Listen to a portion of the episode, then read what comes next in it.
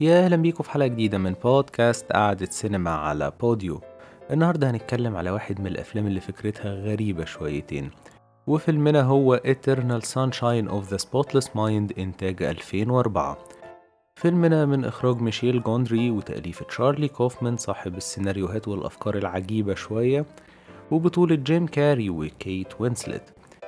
وخلينا نفتكر مع بعض فيلمنا بيحكي عن إيه. فيلمنا بيحكي عن الثنائي كليمنتاين وجول اللي كانوا في علاقة حب وبعد انفصالهم وبسبب معاناتها بتقرر كليمنتاين تخضع لجلسة مسح العلاقة دي من ذاكرتها بحاجة كده زي عملية يعني. ولما ده بيحصل وجول بيلاقيها ارتبطت بواحد تاني غيره ومش عارفة اللي هو جول نفسه طبعا. مش بيستحمل وبيقرر يخضع لجلسة زيها وخلال جلسته بنشوف ذكرياتهم سوا وبنتعرف على شخصياتهم أكتر. الحقيقة على قد ما فكرة فيلمنا sophisticated شوية يعني أو فيها تفاصيل وشغل الفكرة جت من موقف بسيط جدا والموقف إن هو جوندري المخرج ليه صديق وصديقه ده كان عنده صديقة بتشتكي له من حبيبها فقال لها لو جالك فرصة تمسحيه من ذاكرتك أصلا ده ممكن يكون حل كويس. بس بعد ما خلص المناقشة دي الفكرة دي علقت في دماغه شوية وحكاها لجوندري جوندري عجبته جدا الفكرة الصراحة وناقشها مع كوفمان لما كانوا بيشتغلوا على فيلم تاني ومن هنا بدأت الحكاية. لما كتب كوفمان وجوندري الفيلم أو اشتغلوا عليه سوا يعني ما حسوش إن الفيلم ده هيتباع بسهولة خالص بس المفاجأة بالنسبة لهم إنه كان بيعه سهل جدا والاستوديوهات رحبت بيه بشكل مفاجئ عكس المتوقع وبدأ الشغل فيه. الحقيقة الفيلم أنا عجبني فيه شوية حاجات هي دي اللي هتناولها شوية في الحلقة النهاردة وهي شوية تفاصيل كده. خليني أبدأ وأقول إن التناول بتاع الفيلم والأسلوب بتاعه تحديدا في السيناريو عجبني جدا لأن الأشخاص عاديين جدا ما كانش الموضوع فيه فزلكة. وكوفمان كان عايز يقدم تجربة رومانسية مختلفة عن المتواجد في معظم الأفلام لأن هو كان شايف إن معظم الأفلام الرومانسية مش عاجباه. ويعني لما كبر بيقول يعني هو شاف هو طفل بقى لما كبر ما حسش إن دي الحقيقة والواقع. فكان عايز يعمل فكرة مختلفة وكان عايز يضيف تجربته الشخصية. وهنا استخدم الاختلافات بين الشخصيتين على أساس إن هم يعني بقى مش هيكملوا بعض والصورة الرومانسية اللي كتير من الأفلام الرومانسية بتقدمها لها بتقدمها لنا سوري فلا خلى إن الموضوع ده كان حاجة نقدر نقول صدامية أكتر أو سببت مشاكل. مش إن بقى الشخصيتين في الأول يبدأوا بقى يبقوا مختلفين بس بتحصل شوية مفارقات بقى ويحبوا بعض. لا الفكرة ما كانتش خالص كده في فيلمنا فنقدر نقول إن ده كان الأساس اللي اتبنى عليه الفيلم. وطور الفكرة بقى بموضوع الانتقال الزمني. إحنا فيلمنا مش لينير يعني مش الموضوع بيتحكى لنا اي بي سي يعني أو حاجة بتحصل في البداية وبعدين وسط أو تعقيد للموضوع وحل. لا إحنا ماشيين يعني بنبدأ أصلا من ال من نقدر نقول الحاضر وبعدين نرجع شوية للماضي القريب وبعدين نرجع للماضي البعيد وبعدين نرجع تاني للحاضر. انتقالات زمنية كتير وفي النص برضو بنحضر العملية فاحنا بنقول إن الزمن مش مش ثابت خالص وده كان فكرة مختلفة. وكمان إحنا بنبدأ في الانتقال الزمني اللي عجبني في وقت العملية إن إحنا بنبدأ بالذكريات الأسوأ والخلافات اللي بتكون زي الشروخ الصغيرة اللي بتوصل لانهيار العلاقة في الآخر. وبعدين بنبدأ بقى نفتكر الذكريات الحلوة معاه واللحظات الخاصة اللي كانت بينهم. وده بيحصل تحديدا بالتزامن مع استخدام باتريك لأسلوب جول وباتريك ده واحد من أحقر الشخصيات اللي شفتها في تاريخ السينما. أنا يعني يعني فرحت باللي حصل له في الآخر الحقيقة. لأن هو كان متقمص شخصية جول واستخدم المعلومات بتاعة اللي كان بيقدمها للعيادة أو للشركة المسؤولة عن العملية ولأن هي كانت زي ما إحنا شفنا في الفيلم إنها بتطلب أي حاجة تفكر الشخص ده بالشخص اللي عايز يشيله من ذاكرته. فهو عشان كان معجب بكليمنتاين ما صدق إن هو ياخد الأفكار بتاعه جول وأسلوبه. وهنا بيبدأ بقى خلاص يدخل معاها في علاقة بس هي بنواضح بنلاقي إن هي ما كانتش الموضوع بالنسبة لها مريح خالص أو حاسة إن في حاجة غلط.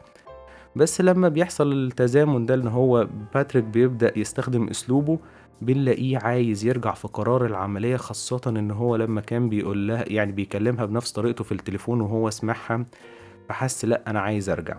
فدي كانت حاجة ذكية جدًا بالنسبة لي، وكمان بقى على قد ما الفيلم فيه جزء خيال علمي بس اللي عجبني جدًا اتفاق كوفمان وجوندري إن هو ما يبقاش الإحساس ده هو اللي مسيطر وتبان بقى كأننا داخلين وكالة فضاء عشان هنعمل عملية مسح الذاكرة دي، لأ الموضوع كان بسيط جدًا تلاقيها عيادة بسيطة خالص، وكمان التكنولوجيا اللي تم استخدامها في العملية هي خوذة شكلها غريب جدًا وبدائي جدًا وفي سلوك كتير في الأرض يعني تحسوها إنها ممكن تكون عملية حقيقية فعلًا، ما حسسوناش بقى بفكرة الsci fi هي دي ما هي إلا كانت وسيلة إن إحنا نوصّل بيها فكرة الفيلم أو تخيل كده إن إحنا قاعدين بنقول إيه، تخيل لو حد ممكن يشيل حد من ذاكرته، فهُم بقى ما خدوش الموضوع لشكل بصري بعيد خالص، هُم كانوا عايزين دي تكون وسيلة مش مش أسلوب مسيطر عن الفيل على الفيلم. ودي كانت حاجة موفقة جدًا، وعلى ذكر الأسلوب ده، أنا كمان برضه عجبني أسلوب جوندري البصري جدًا خاصةً الtracking shots اللي هي كنا تحس إن إحنا ماشيين معاهم وشركاء ليهم في الرحلة دي وبنتفرج عليهم، وفي لحظات كده كانت الكاميرا بتهتز بتحسسنا بحالة الشخصيات المهتزة أو نفسيتهم مش stable أو الموضوع مش مضبوط خالص معاهم، وكانت بتضيف صدق كبير جدًا للأحداث. وغير كده كمان المونتاج كان موفق جدًا، وكانت مهمتهم أعتقد صعبة جدًا في مونتاج الفيلم ده، بس بصراحة هم نجحوا فيها إلى أقصى مدى. بس عجبني جدًا كمان الفيلم على قد اهتمامه بالتفاصيل اللي اتكلمت فيها، اهتم بتفاصيل زي نقدر نقول كده إنها رمزية. يعني الرمزيات كانت شيء مهم وحاضر في فيلمنا، وأنا عجبني تحديدًا رمزيتين كانوا مهمين جدًا. أول حاجة اسم شركة لاكونا، ولاكونا معناها الجاب أو الفراغ. وكمان تمشي في الترجمة بتاعتها إن هو جزء مقطوع من النص أو كتاب وده بالظبط اللي حصل مع أبطال فيلمنا. وكمان كان في لقطة في أول الفيلم خالص بنلاقي جول ماسك دفتره المقطوع منه يومياته اللي هي بقى كان فيها كليمنتاين وكأنه ما كتبش فيها حاجة من سنتين خالص اتقطعت بشكل غريب جدا. فهو بيقول يعني أنا كأني ما كتبتش حاجة خالص إيه اللي حصل؟ يعني هو نفسه بيستغرب. فبنلاقي إن هو دي حاجة معبرة جدا كمان لأن هو ما شالش كليمنتاين بس لأ هو شال الجزء ده كده من حياته لأن كليمنتاين كان بيروح معاها أماكن كان في بينهم تفاصيل كتير في علاقتهم. فإنك ممكن تشيل شخص من حياتك ده ممكن يعمل زي gap أو في تفاصيل كتير بتروح مع الموضوع. فدي كانت فكرة ذكية جدا ورمزية مهمة جدا. تاني رمزية هي شعر كليمنتاين وهي تفصيلة غريبة شوية بس بصراحة صناع الفيلم استخدموها بذكاء شديد. وأهمية التفصيلة دي في حاجتين الحقيقة. أول حاجة إحنا بنتعرف على أحوال القصة أو نقدر نعتبرها رمزية عن الحالة اللي فيها القصة في الوقت ده. وتاني حاجة إن إحنا بنعرف زمن القصة أصلا لأن يعني لو في ناس بتتلخبط من موضوع اختلاف الزمن فالحل في شعر كليمنتاين بالنسبة لك لأن هو مع كل مرحلة أو كل اختلاف في الزمن الشعر بيتغير. وخلينا نبدأ باللون الأزرق لأن أول ما بيقابلها جول بنلاقي إن كان شعرها أزرق وده بيحصل بعد ما بيقوم من العملية الصبح وبيصحى مش فاكر حاجة وبنلاقيه ماشي في أجواء جليدية والصورة بيغلب عليها أصلا اللون الأزرق. ده دليل على البرودة اللي سببها يمكن خروج كليمنتاين من حياته. فبتقابله في الحاضر اللي هو الوقت اللي بعد العملية وبتقوله إن لون شعرها ده اسمه الخراب الأزرق. كأن يعني مفيش يعني الكلمة نفسها بتوضح الحالة نفسها.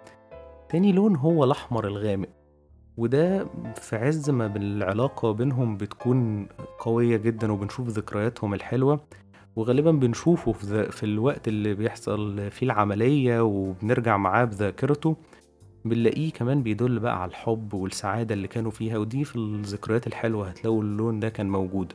وكمان حسيت انه أكتر لون معبر جدا عن شخصية كليمنتاين المنطلقة المجنونة شوية فكان أكتر لون معبر وكان بيعبر عن أسعد وقت في علاقتهم.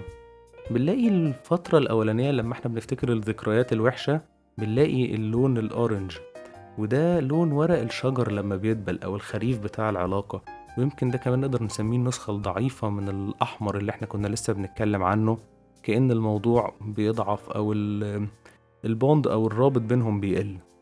وبنلاقي بقى في الفيلم كمان شعرها أخضر. ده في ذكرى لقائهم الأول وهي سمت قبل كده لما كان شعرها أزرق وكانت بتحكي أسامي الألوان قالت إن هو ال green revolution أو الثورة الخضراء يعني نقدر نسميه فكرة الربيع والطبيعة نفسها إزاي الحاجة بتنمو أو دخول الربيع يعني ده تغير إيجابي في حياة جول وإزاي إن دخولها كان زي تغير إيجابي أو ثورة في حياته ونقل حياته من الملل والرتابة اللي كان فيها وإن دخولها كان حاجة إيجابية وتأثر بيها جدا لدرجة إن إحنا بنلاقيه بعد كده مش عارف ينساها. فغير الرمزيات اللي في الفيلم دي أنا عجبني جدا قرار آخر قرار بقى في الفيلم يعتبر اللي هي النهاية المفتوحة. يعني جوندري وكوفمان لما قرروا يعملوا النهاية المفتوحة دي عجبتني جدا لأن البعض زي ما اتكلمنا على شعر كليمنتاين قالوا إن الأخضر ده الربيع والأحمر ده الصيف والأورنج الخريف والأزرق هو الشتاء فكأن حياتهم زي السنة يعني دورة وبتلف هتفضل تتكرر.